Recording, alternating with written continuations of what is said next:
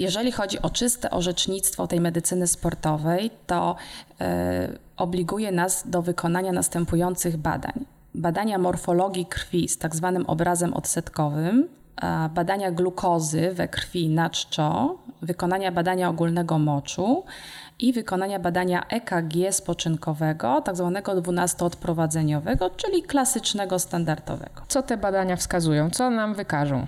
Są to bardzo podstawowe badania, które jednak pozwalają nam określić ogólny dobrostan organizmu. W morfologii jesteśmy w stanie zauważyć na przykład cechy anemii, która może być spowodowana niedoborem żelaza.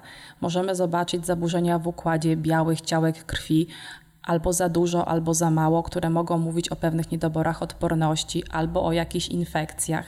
Układu tak zwanych płytek, czyli tych krwinek odpowiedzialnych za krzepliwość, która w sportach jest ważna, żebyśmy byli pewni, że dziecko nie zrobi sobie krzywdy.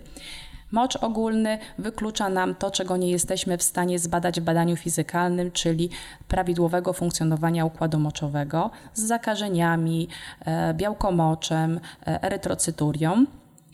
Badanie glukozy na czczo wyklucza nam cukrzycę, która jest w populacji ludzi dorosłych chorobą bardzo częstą.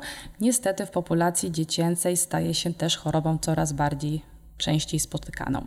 Jeżeli chodzi o badanie EKG spoczynkowe, które pokazuje nam pracę elektryczną serca, jest to podstawowe badanie, które pozwala nam wykryć dzieci zagrożone zaburzeniami rytmu i przewodzenia, czyli to są te dzieci, które młodzi dorośli, o których Państwo pewnie słyszeli i czytali, że zdrowi wybiegają na boisko, strzelają gola i potem z tego boiska niestety już są zwożeni.